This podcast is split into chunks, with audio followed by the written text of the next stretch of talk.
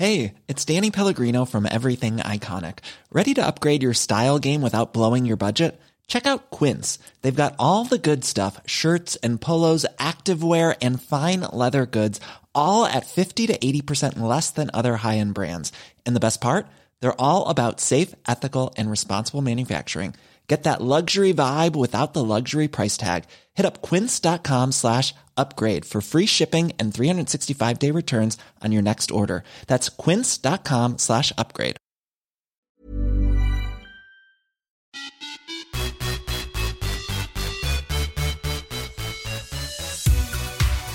Och välkomna till podden Viss och Svärm on the run med mig Josefin Svärm och Sara Viss. Och det här avsnittet kommer vara det sista för i år. Och därför så vill jag och Sara se tillbaka lite på 2020. Vad som har hänt. Har du hunnit fundera Ja. lite Sara? Ja, jag har funderat och det känns ju som att det är liksom bara ett enda ord som kan sammanfatta nästan. Ja, nej, det här 2020 blev ju inte som jag tror någon hade tänkt sig. Nej. Så det, det har ju verkligen eh, styrts av eh, corona. Eh, gud, jag såg en sån rolig meme där det var sån där att eh, ordet man är så trött på efter 2020 som alla har tjatat om och aldrig kunna eh, gå en dag utan att höra någon gnälla om. Alltså paddel. Nej, jag skojar. Ja, alltså men, men det var inte paddel. Som, det hade kunnat vara det. om man får välja två ord så är det så här corona och paddel. Ja, frågar oss här hemma så uh, paddel känns ganska så rimligt där faktiskt. Eh, min sambo har spelat Ja. mycket paddel sen det kom. Ja, Ah, ja nej, vad säger Nej. man?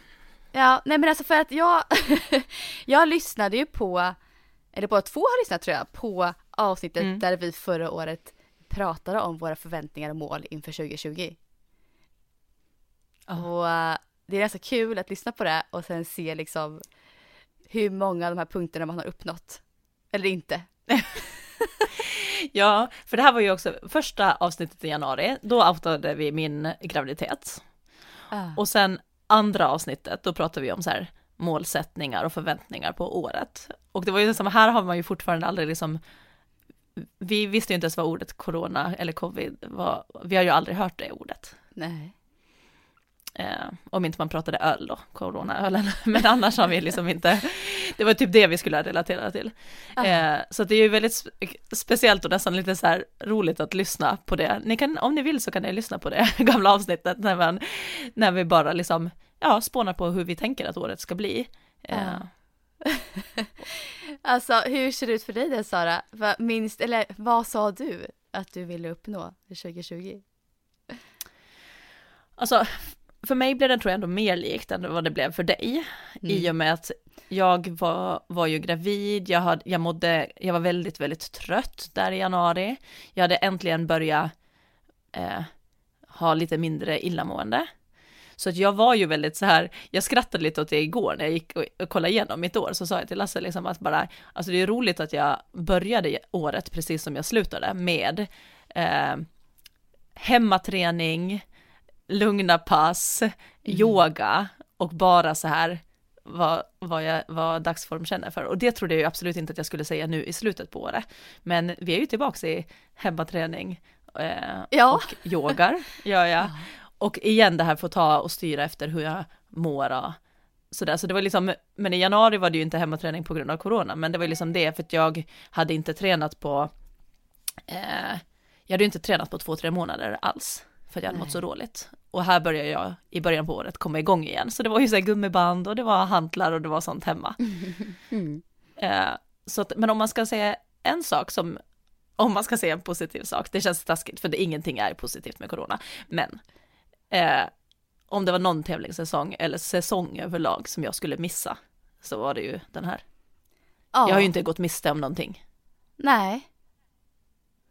Nej faktiskt, nej men det var, det var ju ändå tur där. Tur i oturen. Ja men tänk om det här hade varit liksom, Ja men verkligen. ja för det hade ju kunnat vara året Mm. där jag skulle typ ko- komma tillbaka och känna så här att nu ska jag tävla igen, för jag har inte gjort det Ja. på ett och ett halvt år. Och då hade det varit, alltså så här, mer sorg liksom, att bara så här, gud jag vill verkligen tävla och jag vill, alltså så här, för man har längtat efter det. Och du nämnde ju i den podden också att eh, du har ett stort mål för 2022, eller hade. Ja. Mm. Visst är det nu framflyttat, var det så? Ja, jag berättade där att, att eh, jag pratade om mina mål och att jag ändå har ett långsiktigt mål och det var ju Mm. det här veteran-VM som skulle gå i Göteborg 2022. Och det vet vi ju redan nu också att kommer inte att bli 2022 utan 2023 på grund av att allting har flyttats eh, framåt. Mm. Så att eh, den har ju ändrat, eh, men överlag så tänker jag att jag tänker ju ganska likadant som jag gjorde där, att jag hade långsiktigt mål som gjorde att jag höll mig lugn och trygg, att jag behöver inte stressa fram, för att jag behöver inte prestera någonting förrän egentligen om då två och ett halvt år bort. Eh, Och så, och jag känner att det där, det har jag ändå hållit det jag tänker, jag har inte känt mig stressad och allting blir inte alltid som man har tänkt och jag hade inte räknat med att vara så här trött som jag är nu heller, när jag inte sover. Eh, Nej. Och så, men jag tror att man har kanske blivit extra bra på att ja, lite ta det som det kommer och alltså också nu med hur situationen är, att man kan inte göra precis så som man vill eller följa den planen man kanske har tänkt, utan man behöver anpassa eh, och ja, följa andra Ja. saker liksom. Det är, skönt, alltså det är skönt för dig att du hade de målen i år. För då har du verkligen inte behövt stressa upp dig för att det du egentligen ville prestera inte har blivit av. Mm. Ja, absolut. Och sen det jag tänkte på var det att jag sa då, det här var ju då januari och jag Mm. hade ju inte varit på friidrottsträningen sen i oktober för att jag, alltså jag kräktes ju typ varannan dag. just Så det gick ju inte alls och jag, jag var jättetrött så jag var ju inte där alls. Och redan där då pratade jag ju om att jag saknar det sociala och gruppen och var en del av friidrottsgänget. Eh, och nu börjar jag känna, tänk att jag inte, alltså jag känner ju det där jättestarkt nu också, men då blev det när jag äntligen började må bättre där på våren. Och tänkte att nu kanske jag kan vara med lite en stund innan magen har växt allt för mycket. Men då kom ju corona i mars. Så att, och då kände jag så här att det var inte läge att börja vara i grupper som man inte brukade vara med heller och Nej. åka till Sätrahallen där de var då. Så att jag, åkt, jag tog ju inte upp, eller jag åkte ju inte och var med dem. Jag hade ju tänkt också att jag skulle kunna ha samma träningstid som dem på samma plats utan att göra samma sak. För att det var ju det jag tänkte, då ska jag hålla mig i kvar i friidrottsbubblan och få vara delaktig liksom. Eh, men så blev det ju inte, för det kändes inte läge att åka dit för att göra lite egen lätt styrka på sidan av när det blev corona. Eh, så att nu har det ju gått jätte, jättelång tid där jag inte alltså, jag har ju ingen kontakt på så sätt. Jag följer ju dem i sociala medier och så, men det känns lite så här ledsamt eh, att det har gått nu över ett år utan, utan det sociala umgänget Ah. från friidrotten. Det förstår jag att du kan sakna. Verkligen. Undrar hur det blir nu nästa år. Det vet man ju inte.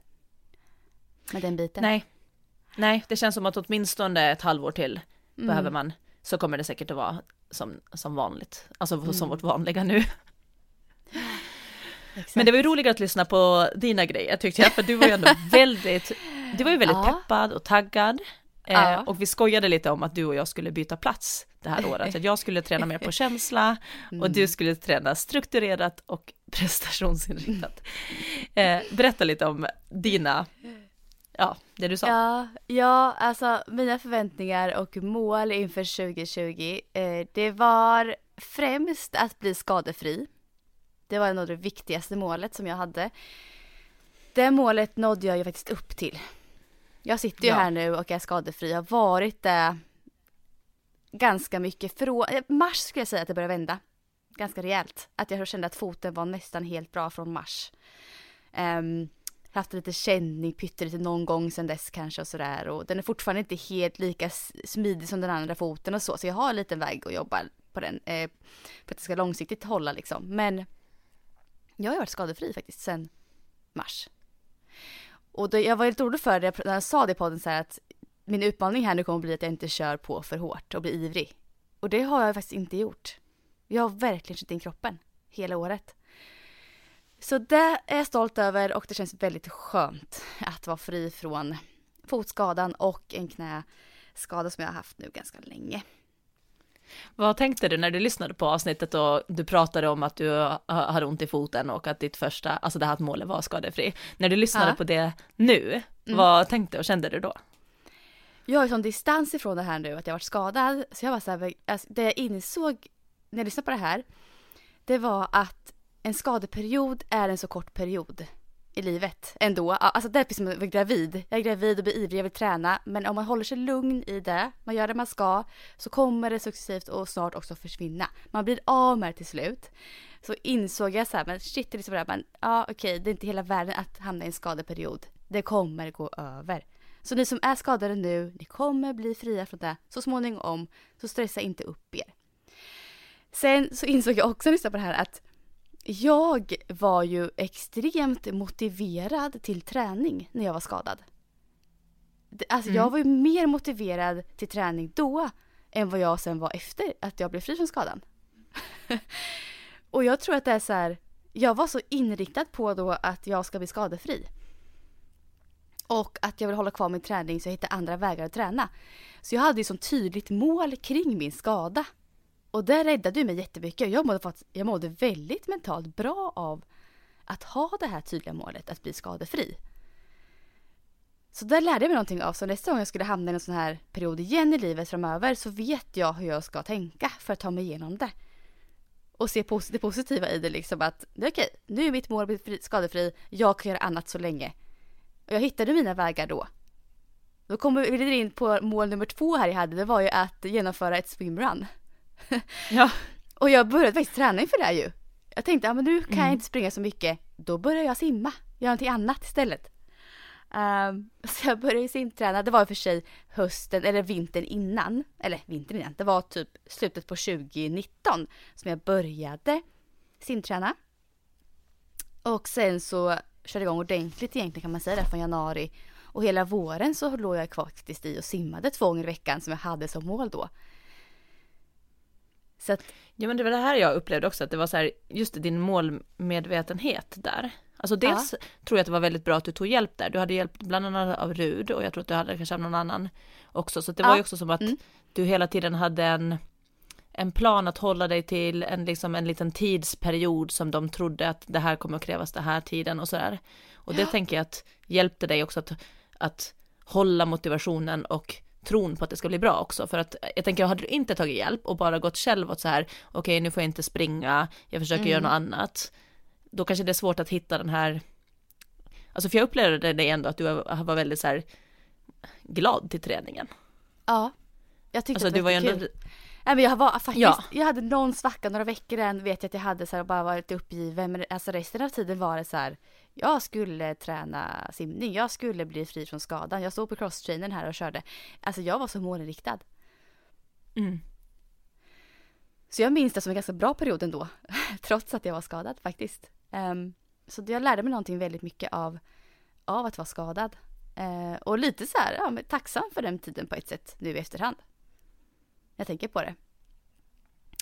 Men att genomföra ett swimrun blev ju aldrig av däremot. Träningen blev av, eh, på våren. Eh, men sen så, jag tror att när coronan kom så tappade jag lite lust och fokus på mina konkreta liksom, tävlingsmål.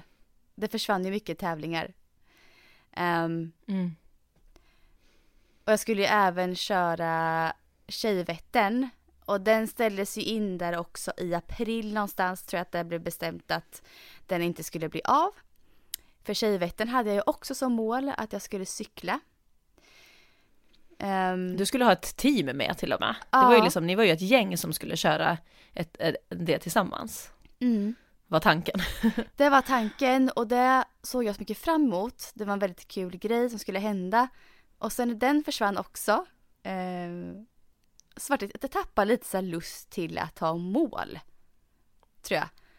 Och lite träningsfokus. Jag höll igång träningen. Eh, jag kunde börja springa mer och mer här också. Och det kan ju med ha gjort att jag tappade lite siminspiration och motivation. Att jag började kunna springa mer och mer. Och då behövde jag inte simningen för att träningens skull då. Utan då tappade jag lite fokus där tror jag också faktiskt. Att det gjorde att jag, äh, nu kan jag springa igen. Mm. Mm, så jag var inte beroende av simning på det sättet. Um, men jag höll, jag höll ändå i simningen hela sommaren så jag körde lite grann öppet vatten och kämpade mig in i det där. Um, och hade ändå fortfarande ambition på sommaren så att nej men något swimrunlopp kanske det kan bli ändå, vi får se. Men det var inte så här att jag var övertygad då längre att det skulle bli av. Men du körde ju ändå träningar, så det, jag måste ge Ja. det, det ändå, för du gjorde ju också hela swimrun-träningen där, nu, där Mm. ni körde tillsammans. Så att jag tänker att du kan ju ändå få en liten så här, att du gjorde ju ändå det du kunde i swimrun. Ja. Vad snäll jag sa nu. Ja, det känns ju bra. Nej men du gjorde ju det. Du hade ju inte Ja. gjort det där om det inte hade varit ditt mål. Nej, att liksom nej, dessutom aldrig. genomföra sådana träningar där ni Nej. verkligen sprang och körde någon form av, jag kommer ihåg att ni körde någon form av sån här typ 40 minuter, så många varv som möjligt av viss Ja. så här, simning och, och löpning. Ja, och jag och min tvillingsyster var inne i Vadstena och körde något pass där eh, tillsammans. Och så bara, vi tar på oss svimmardräkter och bara kör för kul skull. Så det hade jag absolut Mm. inte gjort annars heller. Nej. Jag, jag har liksom upptäckt en ny sport på ett sätt. Men jag är fortfarande inte övertygad om att, om att jag kommer göra det, alltså en riktig tävling. För att jag, jag, är, jag har kämpat med simningen så mycket. Eh, det kommer inte naturligt för mig. Som löpningen alltid har gjort. Eh, simning är någonting som jag verkligen inte har naturligt i kroppen. Det är, här får jag kämpa både mentalt och fysiskt för att liksom eh, lyckas bli okej i simningen. Så att eh, vi får se mm, om jag kommer fånga upp simningen igen eller inte. Jag vill inte lova någonting. Nej men om du tänker på liksom swimrun, om man säga att man ska ha det som ett mål igen, vad, Mm. det som får dig att tveka, är det, är det ta- tanke på att du tänker att du inte riktigt kan det och att det inte är din grej, att det liksom inte är, eh, jag menar att, du, att det är lite så här att det känns för svårt, eller känns det mer som att det inte pirrar någonting när du tänker på det målet, att det liksom inte lockar? Alltså är det mer motivations eller är det mer brist på att du, att du känner att det kanske är för svårt, eller skulle det inte heller vara så jätteroligt? Liksom? Det är nog mest för att det är för svårt. Mm. För det är någonting som lockar ändå. Det här alltså utomhus, outdoor, det mäktiga med så här, naturens krafter på något vis som lockar. Med havet och det, det, det, det, det skrämmer mig också jättemycket. Alltså jag är också jätterädd. Men det är nog främst för att jag tycker att det är så himla svårt med simningen. Och jag tror kanske inte folk förstår. Det är så många som säger, men du skulle klara av det här hur lätt som helst. Och så här, för de tänker att jag är en atlet Mm. och jag tränar så mycket. Men det är, jag tror inte de förstår hur svårt jag tycker att det är liksom. Mm. Nej, så vi, jag vet inte. det lockar Mm. ändå lite grann. Ehm, Ja. och jag skulle liksom vilja, jag vill nog ändå hålla kvar lite grann så jag inte tappar allting. Nu har jag inte kört på jättelänge. Men jag har ändå chans att fånga upp det för jag har ju fått in lite grann ändå. Så jag vet, kroppen vet nu vad den ska göra om jag skulle börja igen. Ah, Ja, det alltså det. känns ju någonstans, det känns ju någonstans som att du skulle behöva typ checka av den, i alla fall bara för att ha gjort det, för att veta liksom så här, för då, alltså för att få bekräftelse för dig själv att du kan ta dig igenom det. Ja, Och sen därefter veta så här, okej, var det, gav det mig en kick eller tyckte att det var så roligt så att jag vill göra det igen och bli, känna att jag kan göra det bättre? Eller kändes det som att, nej men, eh, nu, nu la det sig liksom den här känslan bara att Mm. nu vet jag att jag har kunnat gjort det och att nu Mm. känns det ganska check på det liksom. Ja. Ja, Ja, vi får se. Ja, jag får se. Ja, jag vågar inte säga för mycket nu, men vi får se lite. Jag ska, jag ska fundera lite på den här grejen. Och sen nu, nu också så är simhallen i Motala varit stängd nu. Eh, Ja. Sen den andra vågen kom. Så jag har inte ens kunnat eh, ge mig dit och ens testa. Eh, och jag går ju inte ut nu och simmar. Jag vet folk som gör det. Ja, åh, tokiga alltså, som går ut och simmar i öppet vatten fortfarande. Jag fattar inte. Men hur Ah. länge kan man göra det? Alltså, alltså Nej, hur länge alltså, kan man ligga folk i då? gör ju egentligen inte det nu. Men det är ju några extrema, typ My First Iron Woman, Helene, hon kör ju fortfarande en så cool kvinna så det är helt galet. Ehm, men det, ja, det är ett fåtal i Sverige. Egentligen så slutar Ja. man nog säkert i, ja, absolut senast oktober, september. Alltså Mm. nu är det kallt. Ja. Nej men det är väl lite så här sånt som jag minns tillbaka till nu eh, som jag hade som mål. Och det enda jag nådde upp till var att bli skadefri. Men som du säger Sara, jag körde swimrun träningar ändå. Och jag simmade Mm. på och faktiskt höll i det. Så, så är det ju, absolut. ja, och det gladaste när jag började lyssna på det avsnittet och din första punkt var ju som sagt att bli skadefri. Och jag bara, ja, gud, det där känns ju jättelänge sedan, för det känns länge sedan du var skadad. Ja, Eh, nå- så det var ju egentligen på den... Ja, så det var ju Alltså, verkligen någon- den viktigaste och bästa punkten. Ja, och någon frågade mig på Instagram igår så här, är du skadefri nu? Jag bara, ja men gud ja, ja det har jag varit länge tänkte jag. Någon frågade mig det. Det känns så långt borta. Det är ju det, Ja, man kommer ur det. Mm.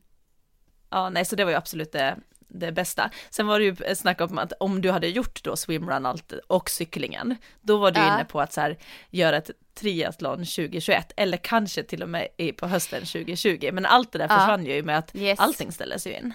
I och med att Tjejvetten ställdes in så struntade jag i att börja cykla. Så då hade jag i alla fall inte kört liksom Precis. på uh, sensommaren. Och det fattar jag att det är så här, just att man kanske inte tar upp någonting nytt när det är, och för jag tänker överlag, liksom, även om ens lopp ställdes in, eh, men det var ju också mycket av de här loppen som var senare. Jag tror att bara att det började skaka, skaka om det här och man inte riktigt visste om det skulle bli av. Så att det, det händer ju någonting med motivationen, även om man tänker att nej, men, träningen ska ändå bli av och, eh, och att jag kanske ändå vill träna det här. Men det, är ju någonting med oss, de flesta, att vi tycker om att ha kontroll och vi gillar inte att vara i det här ovetandet eller liksom kommer det bli av eller kommer det inte. Så att även om man bara kör på som vanligt så är det som att det händer oftast någonting med motivationen för att vi, det är någonting som vi inte kan kontrollera och just att vi kan inte greppa det för vi kan inte, vi vet inte. Och det tror jag att överlag också jobbigt med coronan, att vi vet inte när det tar slut, vi vet inte när det är, och vi är ju kanske inte så vana att vara så eh, utlämnade i form av att, att inte kunna ta kontrollen och ha kontrollen själv. Eller liksom veta när ska jag springa eller hur långt ska jag springa. Och, Alltså det är allting. så sant. Ja. och det tror jag att, så att redan där med att, att även om dina de här tävlingarna låg lite senare på sommaren så var det som redan, Mm. redan från april, maj när de började ställa in Göteborgsvarv och sånt, redan här blev det ju så här att att man tog inte för givet att man kommer att springa någonting, för det var så här, ja vi får se, vi får se, alltså så. Mm. Mm. Och det känns ju som att det var där det också kanske började dippa lite i den här prestationsmotivationen. Mm, absolut. Nej men verkligen, jag hade inget så här konkret alls att träna inför längre. Och då är det ju svårt alltså. Det är Mm. jättesvårt att, att motivera sig mot att träna. Vad tränar jag för? Jag vet inte. Ja, men det, så det är nästan omöjligt att få en bra träning då tycker jag. Ja, Som är genomtänkt. Eh, sen blev ju faktiskt ett lopp till slut av. För mig. just det, Ett långt lopp. trail. Ja, ja, nej. Eller var det inte det? Det var inte trail, nej. Det var bara delar Nej, det var som på, var på... Det var faktiskt nästan, ja för sig, det var det ju på ett olika eh, underlag när du säger det nu, men mest asfalt. Ja. Um, Vikbovändan sprang jag ju 45k. Ehm, Det var nog bara att jag i såg något klipp. Jag såg något klipp tror jag från när ni var Ja. i det terräng, så därför tänkte jag att det var Ja. terräng. Men ja, Det var lite olika underlag. Eh, men alltså det, och det var ingenting jag hade tränat för. Alls. Alltså jag hade inte fått, jag hade typ ett pass på över två mil i kroppen kanske innan det här loppet var. Ehm, så därför får jag ta med mig som den så här, ändå den bästa upplevelsen, en av de bästa upplevelserna i 2020, det var Vikbovändan. 45k, mitt längsta lopp någonsin utan någon slags eh, träning inför. då har du ändå fått ett pers också det här året. För det var ju ändå Ja, distansrekord. faktiskt. ja. ja man, får, man får leta guldkornen. Eller hur? Men Sara, vad, jag, jag kan gissa vad ditt liksom, eh, vad det bästa 2020 var för dig. Kan inte du berätta? Ja, alltså det var ju, jag skrev ner liksom hela året, jag försökte gå tillbaka och se vad som, vad som hände och alltihopa. Det var ju januari, februari, jag var ju trött och jag var, var inte på G. Eh, mars så har jag bara skrivit som ett, alltså den är bara den värsta månaden ever tror jag. För där var ju också så här, det började bra, för vi, jag kommer ihåg att det började med den här internationella kvinnodagen och jag och Elin hade det här eventet på Barry's. Och jag minns det så starkt, för det känns som att det är sista gången Just. nästan jag var på Barry's. Jag har varit någon gång där sen, eh, alltså typ veckan efter och hade någon klass, men i mitt huvud så känns det som att det är det sista minnet jag har från Barry's. För att sen Mm. kom coronan och då var, klev jag av där i och med att de stängde ner först två veckor och sen var det mycket färre klasser och så och då tänkte jag att jag behöver inte vara där nej, i och med att jag var gravid utan då fick de andra ta det. Men det blir ju också att det var sista gången som, alltså, som typ Elin var där. Eh, för att det var ju också i mars som hon sen fick sin cancerdiagnos och jag kommer ihåg att vi pratade om det här på, på det här eventet, att hon, att det var, hade hittats någonting i lungan och de tog tester för att kolla vad det skulle vara och bla bla. Och så känns det bara som att mars där liksom att det bara blev som en mardröm hela, hela den månaden. Att allting vänder ju mm. upp och ner på hur, hur saker och ting mitt i allt kan vara på ett sätt till att hela världs, världen på något sätt svänger om i och med att de här typ kom samtidigt också. Eh, mm. Så mars har jag bara så här som ett, ett äh, jobbig tid. Eh, och sen har jag typ bara skrivit lite så här hur jag tränade under våren. Eh, jag hittade mycket till, till de här Tabata songs. Eh, det var någonting som jag tyckte var roligt Just att träna till. Jag. Ja, mm. för det mm. hjälpte mig att hålla lite motivationen att köra enkla pass bara med färdiga playlist på Tabata. Juni var bara en enda lång väntan, för jag trodde ju typ att jag skulle föda tidigt, kändes det som. Eh, ja. Så, så i juni har jag skrivit, jag bara väntar och jag börjar bada, för att då var det så här, då börjar vattnet vara varmt och jag bara nej, nu badar jag lite och sådär. Och Aha. sen så var det ju den eh, 9 juli, då kom ju Lias. Och det är ju liksom ändå, mm. det är ju den som väger upp så att det här året ändå blir fantastiskt och att det ändå blir ett år som jag kan tänka på med någonting positivt. Ah. För att där blev det egentligen, där gick ju jag i mål på något sätt, att då spelade det inte så stor roll heller med vad som hände runt om i coronadelen, för att jag, då hade man ju sin bebisbubbla och det var liksom, det var ju bara där fokuset var. Så det var ju mm. på så sätt väldigt, väldigt mysigt att bara eh, ha så mycket kärlek i stunden då. Men det var ju också mm. tufft i och med att det, förlossningen blev ju inte som eh, planerat. Så jag har skrivit egentligen hela juli och augusti så är det ju typ återhämtning efter det här urakuta snittet och eh, blodförlusten och eh, ja, det var ju mycket. Jag har nog aldrig varit så svag i hela mitt liv som jag var där. Och då kände du dig svag mest fysiskt men också mentalt. Hur, hur upplevde mm. du det? För du ja. hade ju kämpet, det vet jag ju. Men, ja, ja men, beskriv. Ja men det var nog liksom, alltså mentalt var det också för att det var så obehagligt hela situationen. Om man inte har hört så kan man ju höra på förlossningsberättelsen. Eh, men det var ju verkligen så här, igen det här ur min kontroll. Alltså om vi pratar om det här att det är jobbigt när man inte kan kontrollera saker. Och eh, rädslan över hur illa det skulle ha kunnat gått, eh, både för Lias och för mig, eh, i och med att eh, jag blödde också så himla mycket efteråt och så. Eh, men eh, fysiskt också, för det var ju, jag minns när jag tänker tillbaka på mina de här första promenaderna, alltså jag överdriver ju inte, men när jag säger att jag, jag gick ungefär 100 meter från huset och där fanns en bänk så, fick jag sitta och vila på den. Eh, och sen mm. gick jag kanske tillbaka första dagen, andra dagen kanske jag gick eh, 150-200 meter och satt igen och satt och vilade sen på så här bänkar längs vägen. För att jag blev så trött eh, och typ yr om jag gick för snabbt. Och det har ju antagligen inte med snittet att göra, för jag vet att många känner inte riktigt igen sig i den här, även om de har fått ett kejsarsnitt. Utan det här har ju nog med den eh, stora blodförlusten jag hade. Eh, och det. Eh, mm. Så det tog ju kanske tre veckor innan jag började känna mig så här återställd. Men därifrån måste jag sen säga att utvecklingskurvan gick ganska snabbt efter. Så i augusti började jag ju ändå kunna så här lite så här göra aktiveringsövningar och sånt. Men det gjorde jag inte alls första tre eh, veckorna och så var det ju inte med Rasmus utan då kunde jag ju typ börja så här knipträna och inre bål ganska direkt för att det var jag hade ork och lust till det. Men nu, jag hade ju så ont i magen där också i början så jag kunde inte liksom aktivera musklerna alls. Så att det var ju ganska lång period kändes det som. Och sen var det ju i september då som jag började så lite mera eh, göra träningsprogram, men fortfarande är ju typ utan vikten, för jag fick ju inte lyfta mer än Lias vikt på åtta veckor. Och det blir ju två månader. Ja. Så det är ju i början på september, där fick jag ju sen då börja lyfta lite mera. Och jag minns ju det här när jag fick lyfta Rasmus för första gången, för det hade gått så lång tid utan att jag fått tagit upp han i famnen och krama han och bära han och så. Och det var ju typ i, vad blir det då? Ja men i september, eh, slutet på september. Och sen kom oktober och då var jag så glad för att då kunde jag börja gå till gymmet igen, lyfta skivstång och, komma igång och börja känna mig stark. Och sen, det blev ju inte så ah, eh, långvarigt. Ja, exakt. Ja, mm. Så där är typ min eh, träning, och sen, sen november då så har man ju mer tränat eh, hemma igen och det var jätteskönt att börja med den här Visst joggar vi, för den håller jag ju igång. Eh, så jag har ju mm. kört nu i en månad över det och det känns jättebra. Mm.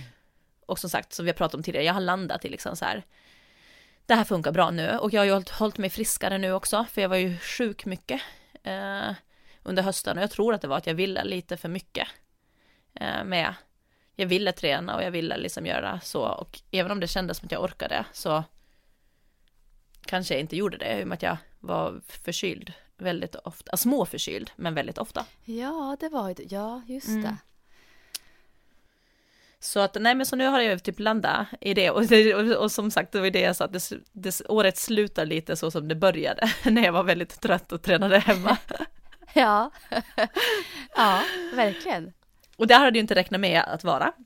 Men det känns Nej. helt fine. Eh, det gör det, för att jag känner mig ändå, jag kommer när jag, i förra avsnittet då, det här som vi pratade om, eh, med målsättningar och sånt, där pratade jag också om de här eh, S'en som jag eh, jobbade mm. efter, att känna stabil och stark innan jag sen skulle börja springa och göra liksom mera spänst och snabbhet och det här. Och nu känns det inte som att jag tränar styrka så som jag hade tänkt, men jag kan ju ändå checka stabil känner jag mig, jag känner mig inte alls liksom ostabil på något sätt längre. Jag känner mig stark, däremot så är det som att jag inte vågar säga det för att jag lyfter ju inga vikter längre. Alltså, eh, men jag känner mig inte så här som att jag skulle vara begränsad postgravid, att så här, oh, jag kan inte lyfta någonting, utan nu handlar det mer bara om att jag skulle måste successivt bygga upp det.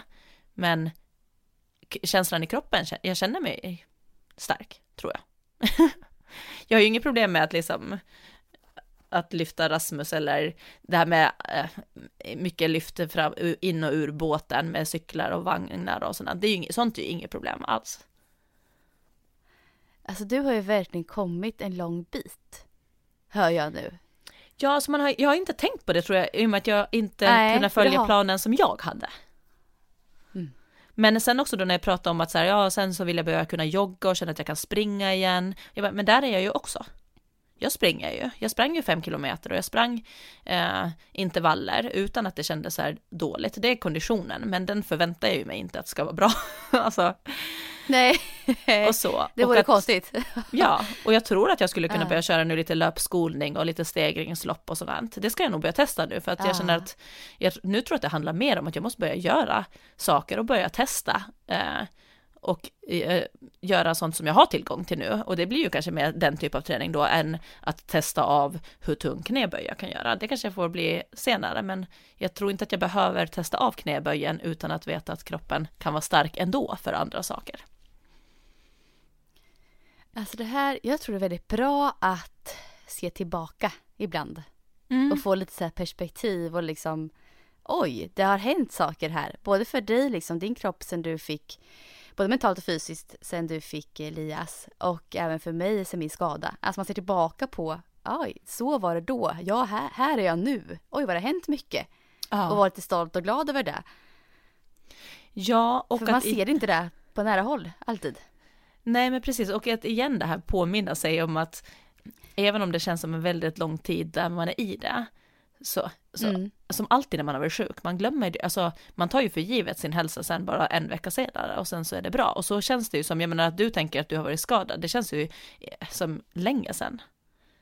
Ja. Och samma, ja, jag känner, tänker på mitt illamående, eller jag skrev liksom där i april också, att jag kände mig så tung i kroppen och att jag hade problem med åderbråck, för jag hade ju hela vänster ben som Just värkte så mycket. Det. Och det var ju ja. så här bara, gud, det här, tänk om det här inte försvinner efteråt och så här, det försvann ju som tur var för mig direkt efter förlossningen. Ja. Och det är så här, men gud vad skönt att slippa och ha, gå och ha konstant verk i benet. Mm. Ja. ja. Så att, ja, nej, så det kan vara bra att ibland blicka tillbaka lite på det och så här, kolla igenom vad har jag gått igenom det här och vad är jag tacksam för nu och vad, alltså, för det, ja, året blev inte som man hade tänkt, men jag tror att man har kanske lärt sig och tagit med sig helt andra saker också än vad man kanske tänkte att man skulle göra.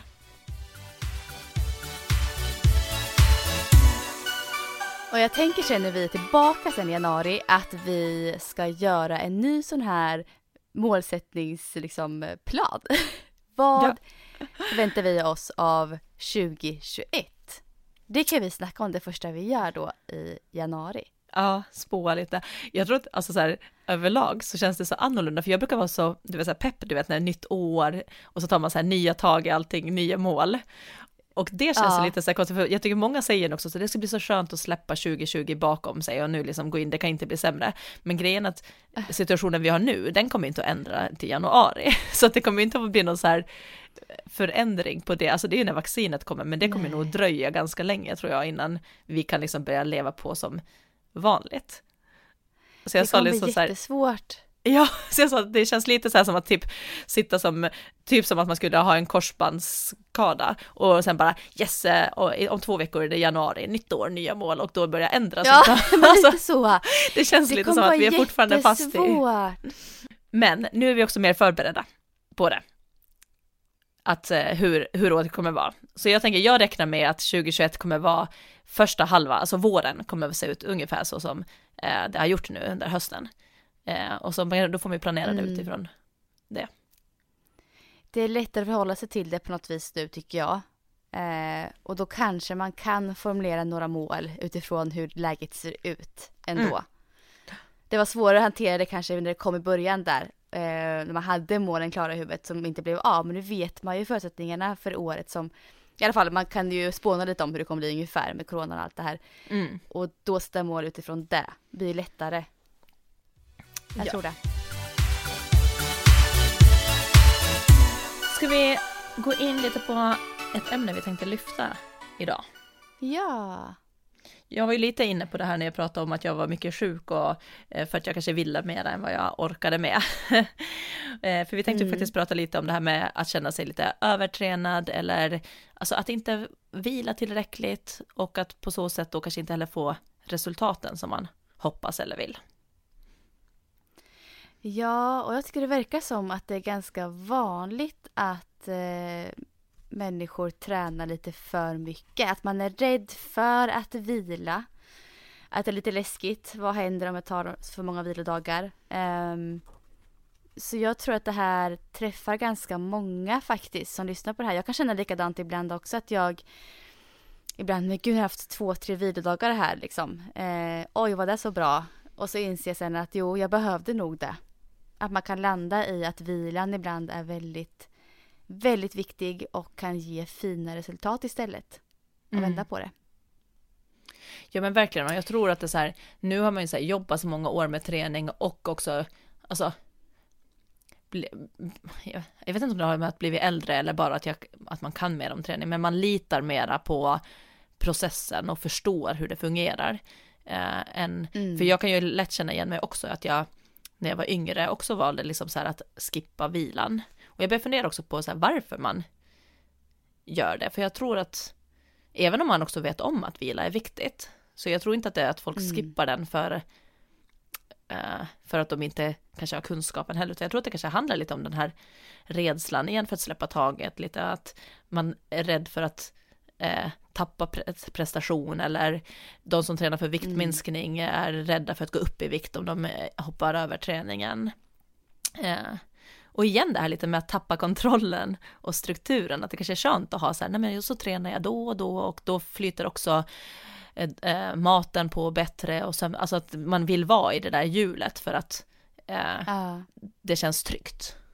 Vi fick ju in en fråga Sara. Ja. Från en lyssnare som handlar om överträning. Hon har ju det här problemet att hon tränar på väldigt, väldigt mycket och hennes kropp har ju nu alltså reagerat på det här. Ska jag läsa upp hennes fråga i samband med det här? Ja, vi kan ju säga att det här var ju också ett ganska extremt fall. Ja, det är ett extremt fall. Eh, det, är nog, det är inte många som känner igen sig i exakt det här. Men just det här tänket kring överträning, att man är rädd för att vila och det här, det tror jag många känner igen sig i. Mm. Hon skriver så här. Hej, tack för en superbra podd tjejer. Jag undrar om ni skulle kunna prata lite kring överträning. Jag fick 99,9% konstaterat att jag var eller är övertränad av min husläkare. Har sista två åren utvecklats enormt inom löpningen och ökat upp från cirka 5 till 11 mil i veckan. Eh, sen i somras började jag jobba heltid efter tre och ett halvt års pluggande till förskollärare.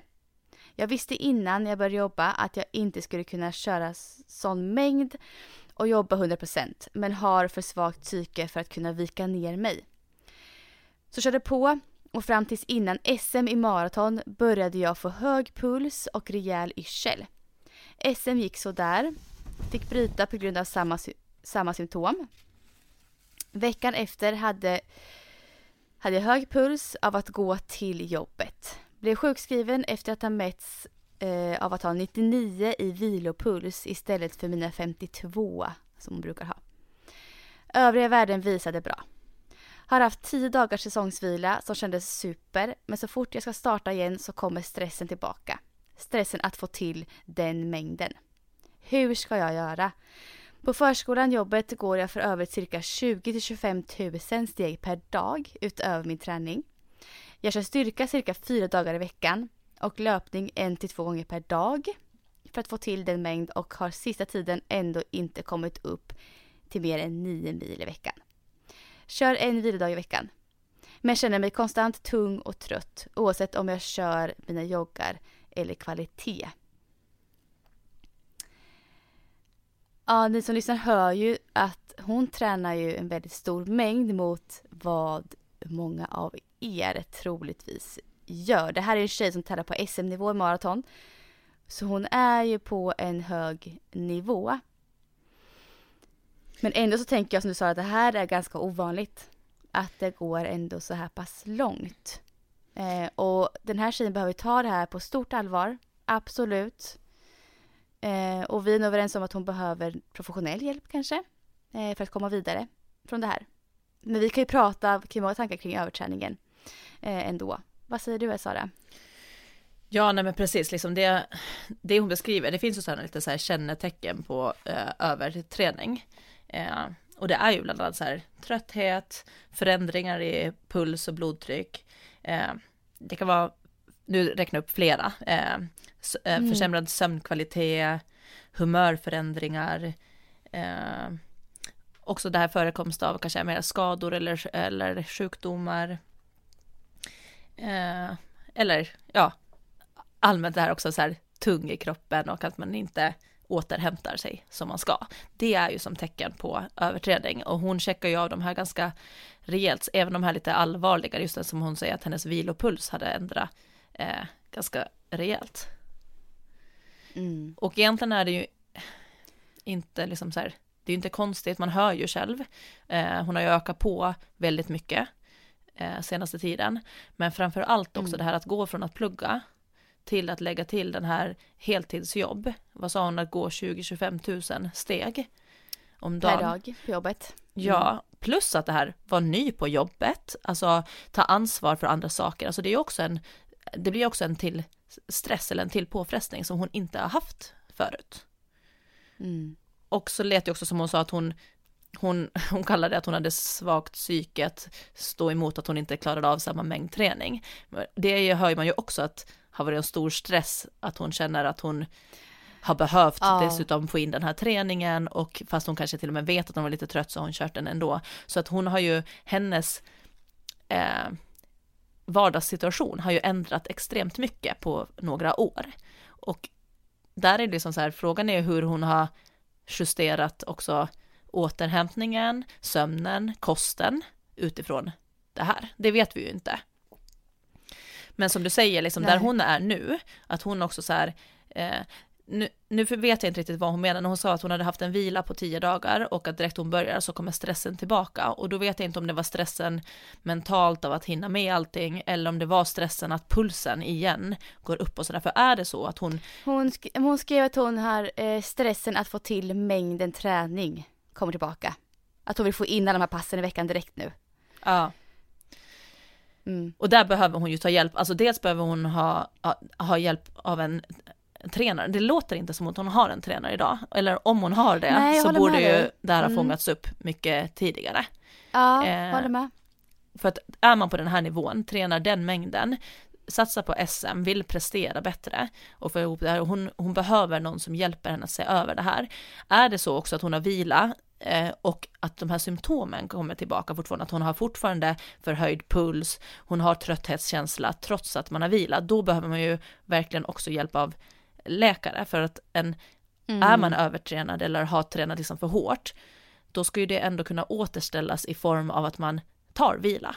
Så ska man kunna komma tillbaka till en bra känsla. Eh, men blir känslan den här samma också? Och de här, som de här fysiska mm, besvären, då, då behöver man ju faktiskt hjälp med att få, få det på, på liksom plats också. Eh, för då kan det vara svårt att klara det själv om det inte hjälper av en tio dagars vila.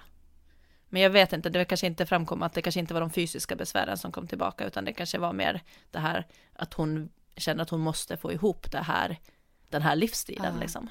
Få till träningen. Ja, och den här stressen att få till liksom sin träning, som sagt, tror jag är väldigt, väldigt vanligt. Man är så rädd att få en extra vilodag i veckan.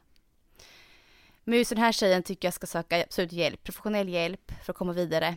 Um, det är svårt för oss att tipsa mer konkret till henne tycker jag, för att hon behöver ju professionell hjälp, absolut, att ta sig ur det här. Som jag ser det i alla fall. Ja, och det här är så, även om jag säger så här, eh. jag som jobbar med träning och PT, men jag jobbar ju inte med personer på den här nivån. Det här är liksom inte en PT-utbildning som eh, har den typ av erfarenhet att coacha eh, en löpare som springer en till två gånger om dagen den milen, alltså de, den distansen och styrketräning och jobbar heltid. Alltså det är, det är ett extremt pussel att eh, få ihop, så hon, hon behöver ju verkligen kontakta en elittränare eh, för att mm. få, få hjälp med det här, eller någon mm. som åtminstone har en väldigt bra erfarenhet eh, kring att coacha andra i det här, inte bara gjort det själv heller. Ja, så jag tänker så här, människor som är i liknande situation som den här tjejen är, alltså inte på den nivån, men att man känner den här stressen över att man inte kan få till sin träning och så här. Jag tänker så här, kan man liksom på något vis försöka omdefiniera sina mål? Och fundera lite, var, var, varför måste jag ha all den här träningen för? Mm. Och, och alltså varför, vad är mina mål med min träning? Kan jag ändra målen där lite? Måste, måste de vara precis som de är nu? Kan jag backa lite? Alltså varför måste jag egentligen bli snabbare? Kan jag springa för välmåendets skull istället? Och hur skulle mina nya mål kunna se ut? Alltså, jag tror många liksom stressar upp sig så otroligt mycket i onödan. Eh, man har egentligen ingen så här elitsatsning som, som mål, det har ju den här tjejen, men andra människor har kanske inte det. Så varför måste man då få in all träning och bli så stressad över att inte få till den?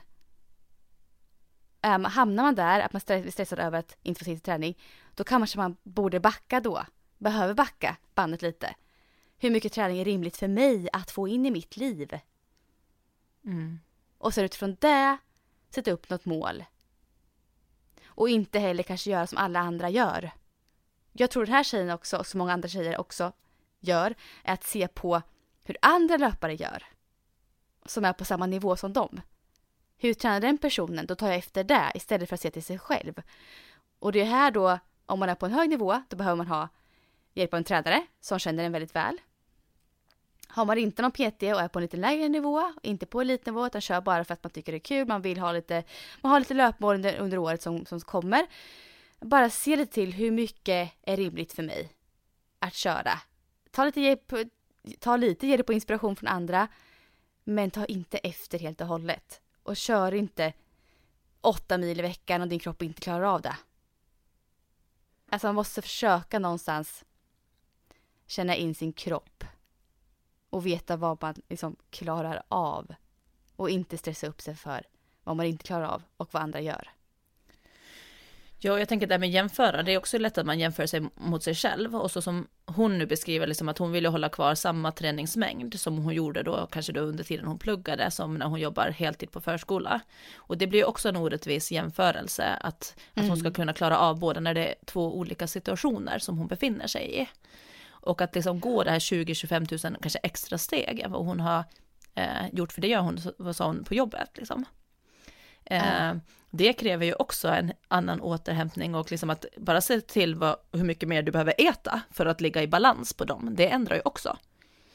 Du kan ju mm. inte bara lägga in de stegen och äta så som du till exempel har gjort, utan du skulle ju behöva se över det.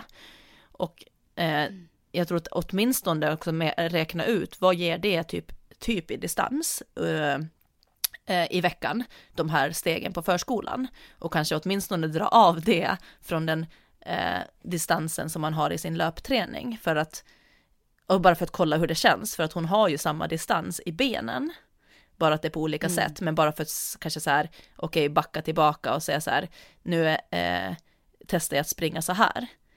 Eh, I och med att jag ändå går så mycket på jobbet också och bara se hur det känns och upplever man att det eh, funkar bättre fysiskt och vad händer mentalt? För det behöver ju inte, som vi säger så här, försämra prestationen att träna mindre ifall att hon har högre Nej. belastning på andra plan, för det är ju den totala stressen och den totala belastningen.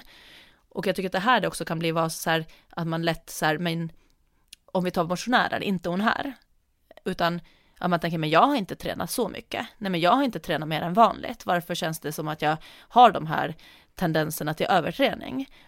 Och då är det ju så här, nej, men det kanske inte är överträning i form av att det är träningen som har gjort den här känslan. Det kan ju vara mm. att du har mycket på jobbet, att eh, det är mycket privat, eller att du eh, har någonting som du känner um, men någonting som har hänt mentalt, kanske någonting som tar mycket av din energi och fokus, uh, som du känner att du kanske oroar dig mycket över. Alltså det kan ju vara så många saker som gör att du hamnar i den här överträningskänslan. Uh, tar vi mig nu, liksom det här, vi sa ju att jag har varit sjuk uh, typ hela tiden och nu känns det ju bättre när jag tränar mindre. Och jag kan ju absolut inte mm. säga så här, men ja, det är för att jag tränar så hårt och så mycket. För jag har ju typ tränat tre pass i veckan kanske. Men jag har sovit jättedåligt och i mitt huvud har jag kanske också känt att jag borde träna mer, borde träna, alltså så att det blir en stress kring allting. Jag, jag är ju inte i balans och njuter av allting utan jag kanske lite kämpar för att få ihop det och det funkar ju inte i längden. Även om det, jag har tränat jättelite så är det ju ändå, det brister ju någonstans om man blir sjuk hela tiden Absolut. eller om man får den här trötthetskänslan som hon säger, eller alltså alla de här symptomerna. Så att överträning, det låter tror jag också så här som att man måste träna väldigt hårt för att hamna där, men egentligen är det ju lite samma sak som utmattning och alltså st mm. stress. Mm. Ja, och som du säger så här, många gånger så tror jag, många tror ju så här att man måste träna mer för att bli bättre. Och ofta är det tvärtom faktiskt. Ser man ju oftare att tar du bort ett pass så kan det faktiskt ge väldigt fin effekt istället på utvecklingen, att man blir bättre. Och där tänker jag, till exempel ska du få in ett kvalitetspass, det viktigaste passet i veckan, så har du en vilodag dagen innan det passet. Då kommer det här passet bli så mycket bättre än om du hade ett tufft pass dagen innan. Att liksom lägga in träningen rätt och rikta den rätt. Och här behöver man ju då på den här nivån ha hjälp, mm. tänker jag en insikt i, okej, okay, tar du bort det här, skala ner lite där, spring superlugnt här, korta in det passet här. Alltså vad det, vad, det, vad det kan göra för en individ, tänker jag, i träningen. Istället för att jag måste köra mer, mer, mer, mer och stressen över det. Mm. Ja, och framförallt just att är man på det här prestationstänket, alltså så, där behöver man ju också ha, verkligen ha en plan. Alltså för att man vill ju kunna träna hårt. Det finns ju, en, det finns ju ändå en effekt i att också träna hårda pass som bryter ner en. Eh, men de är ju mm. då också som planerade, för att när du tränar eh, yes. hårt så bryts du ner och sen är det ju vilan som du eh, kommer att, att få en prestationsökning. Och det finns mm. ju sådana sätt, liksom att man tränar hårt, låter den komma upp lite och tränar hårt igen och kanske till och med så att den här kurvan går en, lite ännu mer neråt, att man inte helt hinner upp tillbaka. Men då följs den ju oftast efter en liksom, lite längre vila, eller alltså en, två dagar åtminstone, för att då få den här effekten med en formtoppning. Och så finns det ju mm, sätt att träna precis. där du ska träna ner dig. Men det behöver vara under kontroll och under en begränsad tid där du också har koll på att sen åter eh, fås det liksom av en viloperiod. Och som du mm. säger också, vilka pass är det vi ska bryta ner och vilka är det vi eh, ska undvika det. Mm. Och så där, man måste ju liksom ha det som det är helt okej att köra på hårt och liksom tufft, men man måste ju se till att det finns en vila för att verkligen, som sagt, utvecklingen och prestationen, eh, den kommer ju liksom av att vi vilar, inte egentligen av att vi tränar hårdare. För att man kan ju, meta liksom så här, om jag tränar väldigt hårt och väldigt tuffa pass, du blir ju sämre hela tiden. Jag menar, säg att du kör ett väldigt, väldigt tufft pass. Eh, säg att du skulle maxa och springa eh, milen, allt vad du har. Eh, mm. Även om du springer ditt snabbaste, men dagen efter kommer inte du att kunna springa lika snabbt. Alltså, man, du blir ju sämre av att köra så hårt. Kortsiktigt. Mm. Men sen om du vilar och sen så kommer du tillbaka och sen så tävlar du en månad senare efter att du har haft lite träning och vilat igen. Då kan du prestera ännu bättre igen. Men just när du ja. kör, du är ju alltid sämre efter ett träningspass. Ja, Ja, den kompensationen som kommer sen. Man får, man får fatta på lång sikt men liksom, det, man måste strukturera upp det på rätt sätt för en själv. Det är det det handlar om. Ja. Så hon behöver ju liksom få hjälp med strukturen på sin träning ja. på sikt.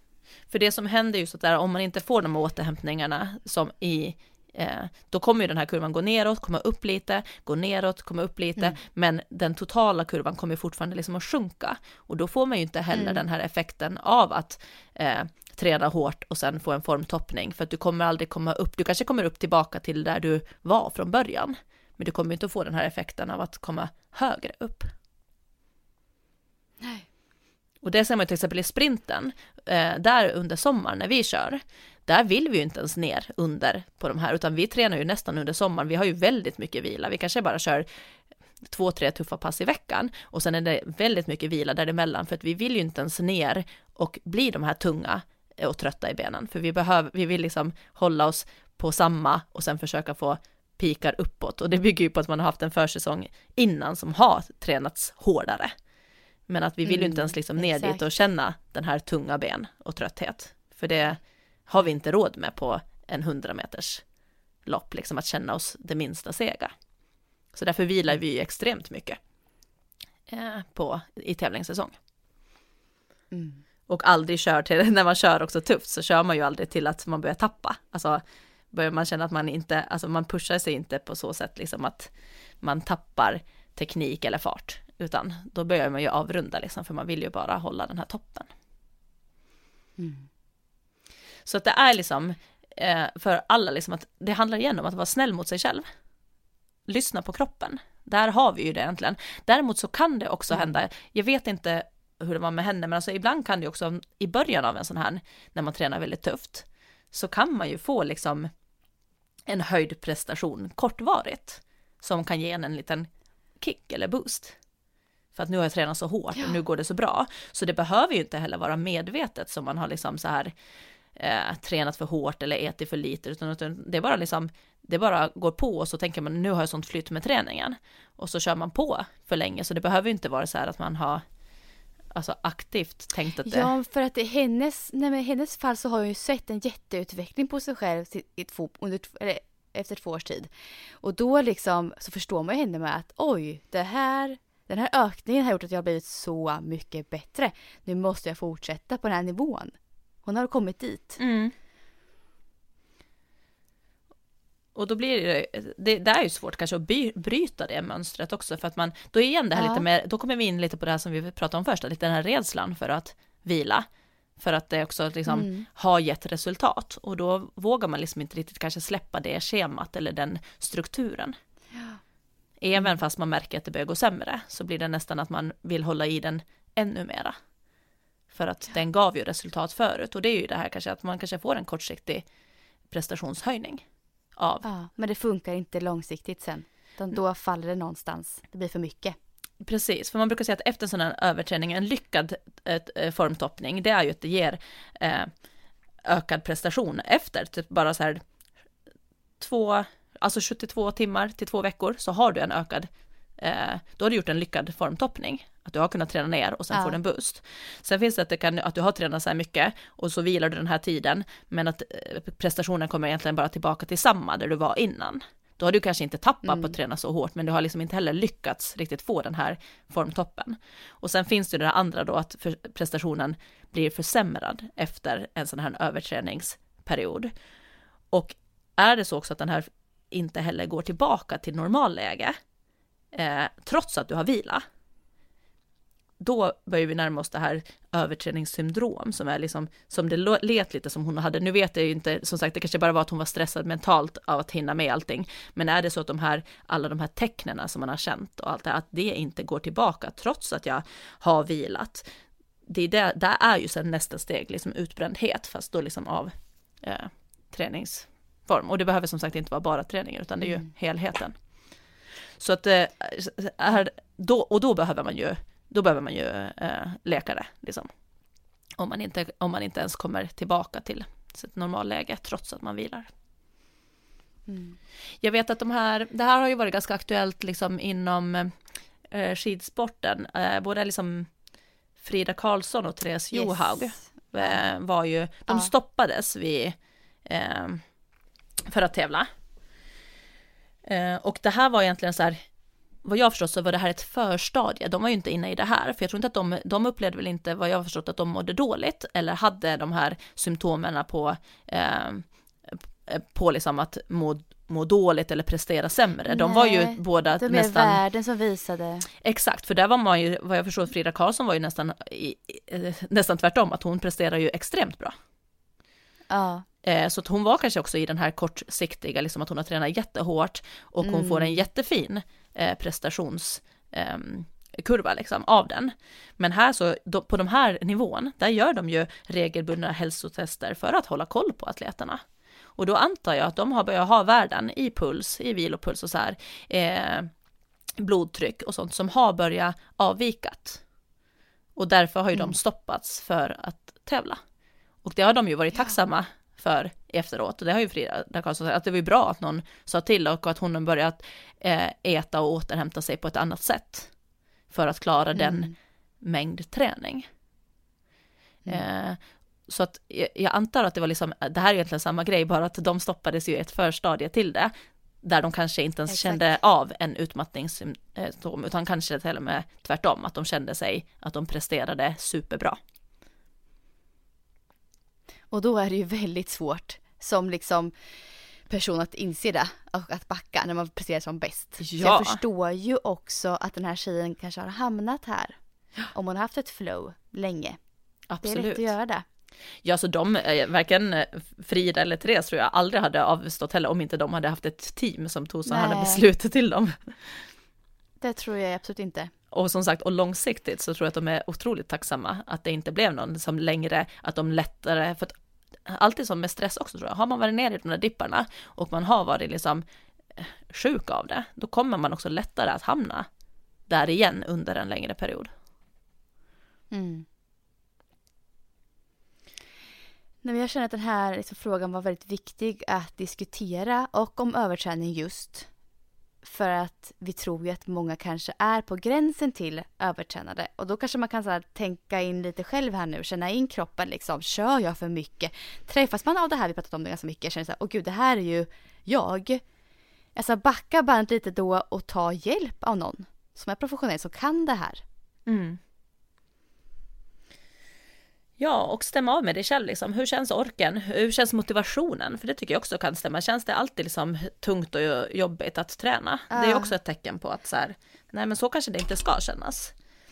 Eller till exempel orimlig träningsverk kan jag också alltså så här, om man börjar ha som, alltså ha träningsverk en, två dagar, det är ju liksom inget konstigt. Men börjar man ha träningsverk i en vecka, det är också ett sånt tecken på att kroppen hinner inte ta hand om och återhämta sig. Den kanske jobbar med något annat eller så kan det ju mm. vara om man har varit lite sjuk, vet jag. Har man haft liten infektion i kroppen och tränar hårt så kan man också få en extrem träningsverk.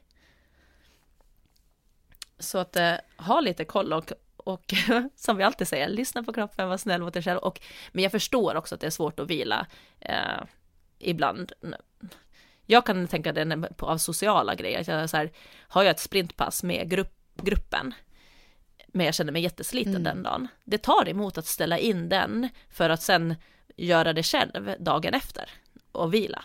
För mm. det är mm. mycket roligare att köra ja. den med gruppen. Så att jag vet själv att jag hamnar också i situationer där jag känner så här att oh, jag kanske borde vila idag för jag är jättetrött men Det är äh. gränsfall till att man kör, att man inte borde köra egentligen. Ja, för att det är andra saker som också styr.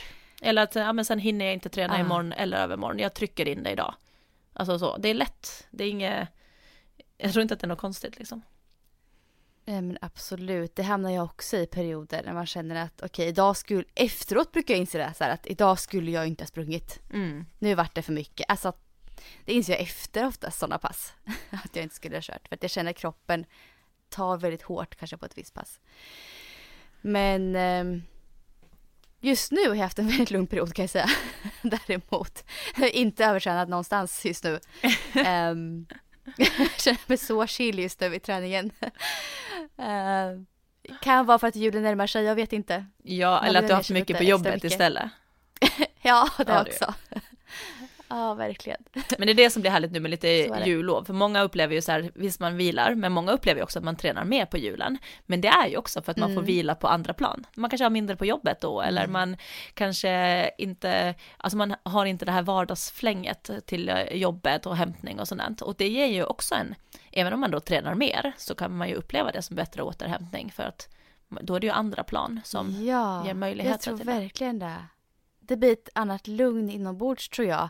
Och jag också, jag känner mig ganska motiverad för julträningen de här veckorna här nu. Mm. Som du säger, när barnen är hemma, inte mycket skjutsa, hämta och greja. Utan nu kan man lugna ner sig, springa på dagen när man känner för det. Det kan jag oftast göra ändå, men det blir mindre jobb nu för mig de här veckorna. Ja. Så det blir ändå så här, man kan liksom ta det lugnare i sin takt. Så jag känner mig motiverad nu till träning. Hur känner ja. du inför julen? Ja men absolut och sen så får man så här, man äter oftast eh, kanske mera, man sover mera, alltså så man, det är ju ett väldigt bra tillfälle att träna tänker jag och man kanske kommer ut som sagt och tränar i dagsljus och eh, sådär så jag tycker att eh, det är ett bra sätt att ta vara på eh, fin träning i och med att man får lite mera återhämtning runt omkring. Verkligen, det skickar vi ändå med er här. Alltså, känner man så här att man är i fas i träningen och liksom julen närmar sig här nu så passa på att köra lite sköna härliga pass här nu när det inte är så stressat runt omkring. Ja, verkligen. Det mm. tror jag, när man får feeling då ska man ändå ta vara på det. ja, ja, det ska vi absolut göra. Eh, nej, men med det så får vi önska lyssnare en god jul och ett gott nytt år. Ja, Tack för det här året, så himla kul att ni har hängt med oss. Ha det superfint. Hej hej.